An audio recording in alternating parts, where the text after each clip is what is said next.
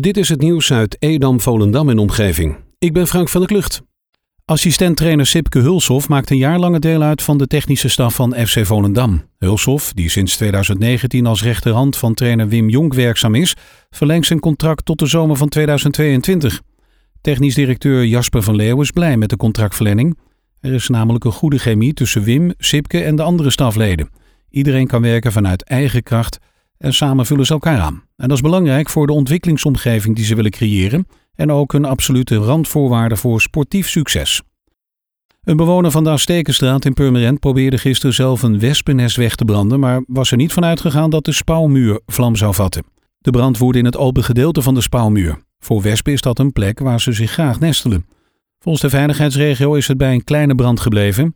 Zowel het vuur als de rook bleef in de spouwmuur, waardoor de brand goed te blussen was. De brandweer bleef nog enige tijd ter plaatse om te controleren of het vuur echt uit was. De laatste auto met schade die na de dood van Tamar uit Marken werd ingenomen door de politie is teruggegeven aan de eigenaar. De auto was een week in onderzoek. De eigenaar is geen verdachte. Het onderzoek is nog in volle gang, mede dankzij de tientallen tips die zijn binnengekomen. Dat meldt de politie aan NH Nieuws. En die tips zijn binnengekomen naar aanleiding van de oproep van de moeder van Tamar. Er zijn al veel nagelopen, maar die leverden vooralsnog niets op. Het is nog steeds dus niet bekend wie Tamar heeft aangereden in de nacht van vorige week vrijdag op zaterdag. De nieuwste aanpassingen van de landelijke voorschriften leken aanvankelijk iets meer ruimte te geven voor de toeschouwersaantallen binnen de concertruimtes van de kleine podia. Voor de Mahogany Hall in Edam betekent dat een ruimte tussen de 40 en 60 personen per concert. En toch zijn die aantallen niet voldoende om het geplande programma voor het vierde kwartaal rendabel te maken. Het bestuur heeft daarom besloten om een deel van dit programma te verplaatsen naar het vierde kwartaal volgend jaar. Tevens wordt het overige programma aangepast. De eerder vastgestelde data blijven ongewijzigd. De zonnepanelenactie van de gemeente Edam-Volendam loopt nog tot deze maand door. Zelfenergie opwekken is een van de maatregelen die je kan nemen om beter voor het milieu. De inwoners van de gemeente Edam-Volendam die gebruik hebben gemaakt van de zonnepanelenactie besparen nu al zo'n 600 euro aan energiekosten per jaar. Inmiddels hebben 170 inwoners vrijblijvend een aanbod op maat gevraagd. Er zijn al 530 zonnepanelen geplaatst.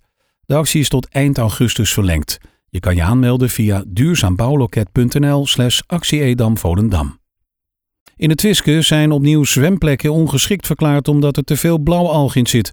Deze waarschuwing is nu ook afgegeven voor het Naturistenstrandje, Baaigat in Oostzaan en de speelsloot in Den Ilp. Ook wordt er gewaarschuwd voor blauwalgen in het Curianstrand. Blauwalgen zijn geen algen, maar bacteriën en vormen een drijflaag op het water. Daaruit komen giftige stoffen vrij die de huid en ogen irriteren en maag- en darmklachten kunnen veroorzaken.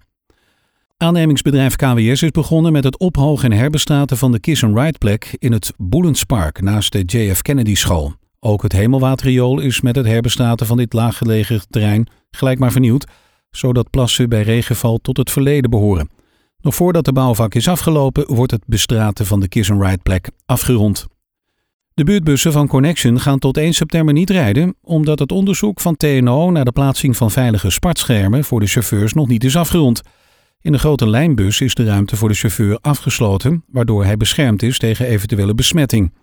In de achtpersoons buurtbus kan dat niet. Afhankelijk zouden de buurtbussen tot 16 augustus in de garage blijven. Dat wordt nu dus 1 september. In de regio Waterland gaat het om lijnen 413 in Zeevang, 416 in Beemster en 419 in Waterland. Op diverse locaties binnen de gemeente Edam-Volendam worden inspectiewerkzaamheden uitgevoerd aan de civiele objecten zoals bruggen, viaducten, tunnels, kademuren en steigers. Deze werkzaamheden nemen enkele maanden in beslag. De inspecties worden uitgevoerd door het inspectie- en adviesbureau Helix.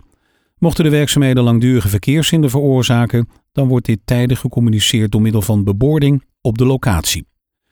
Tot zover het nieuws uit Edam, Volendam en omgeving. Meer lokaal nieuws vindt u op de Love Kabelkrant, onze website of in de app.